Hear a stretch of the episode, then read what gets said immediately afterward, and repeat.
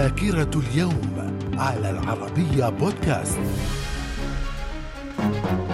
أهلا بكم إلى ذاكرة اليوم الثاني عشر من نوفمبر ففي العام 1793 إعدام جان سيلفان بايي أول عمدة لباريس بالمقصلة. في العام 1847 الطبيب البريطاني جيمس يانغ سيمبسون يستخدم الكلوروفورم في التخدير لأول مرة في التاريخ وفي العام 1914 الدولة العثمانية تعلن انضمامها رسميا إلى دول المحور المكون من الإمبراطورية الألمانية والإمبراطورية النمساوية المجرية في الحرب العالمية الأولى. من الذاكرة. ومن ذاكرة اليوم الثاني عشر من نوفمبر في العام 1927 طرد الزعيم الشيوعي ليون تروتسكي من الحزب الشيوعي السوفيتي بعد صراع على السلطة مع جوزيف ستالين في العام 1956 انضمام المغرب والسودان وتونس إلى الأمم المتحدة. في العام 1982 يوري أندروبوف يخلف ليونيد بريجينيف في رئاسة الحزب الشيوعي السوفيتي والاتحاد السوفيتي. في العام 1990 تنصيب الإمبراطور آكيهيتو رسميا إمبراطورا لليابان. من الذاكرة. ومن ذاكرة الثاني عشر من نوفمبر في العام 1996 حادث تصادم طائرة الخطوط السعودية وطائرة الخطوط الكازاخية في سماء نيودلهي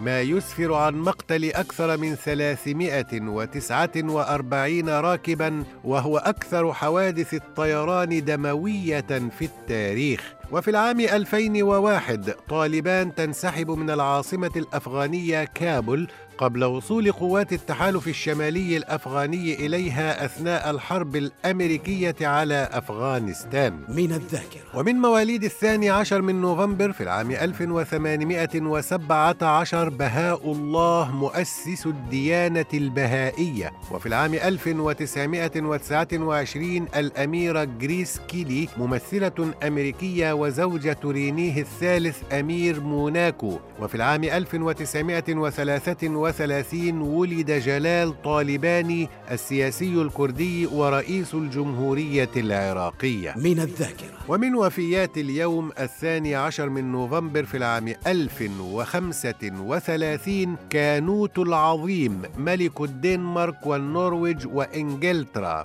في العام 2007 توفي يونس شلبي الممثل المصري وفي العام 2010 توفي عبد الرحمن الجيلالي فقيه ومفكر جزائري. في العام 2016 توفي الممثل المصري محمود عبد العزيز. من الذاكرة. إلى اللقاء.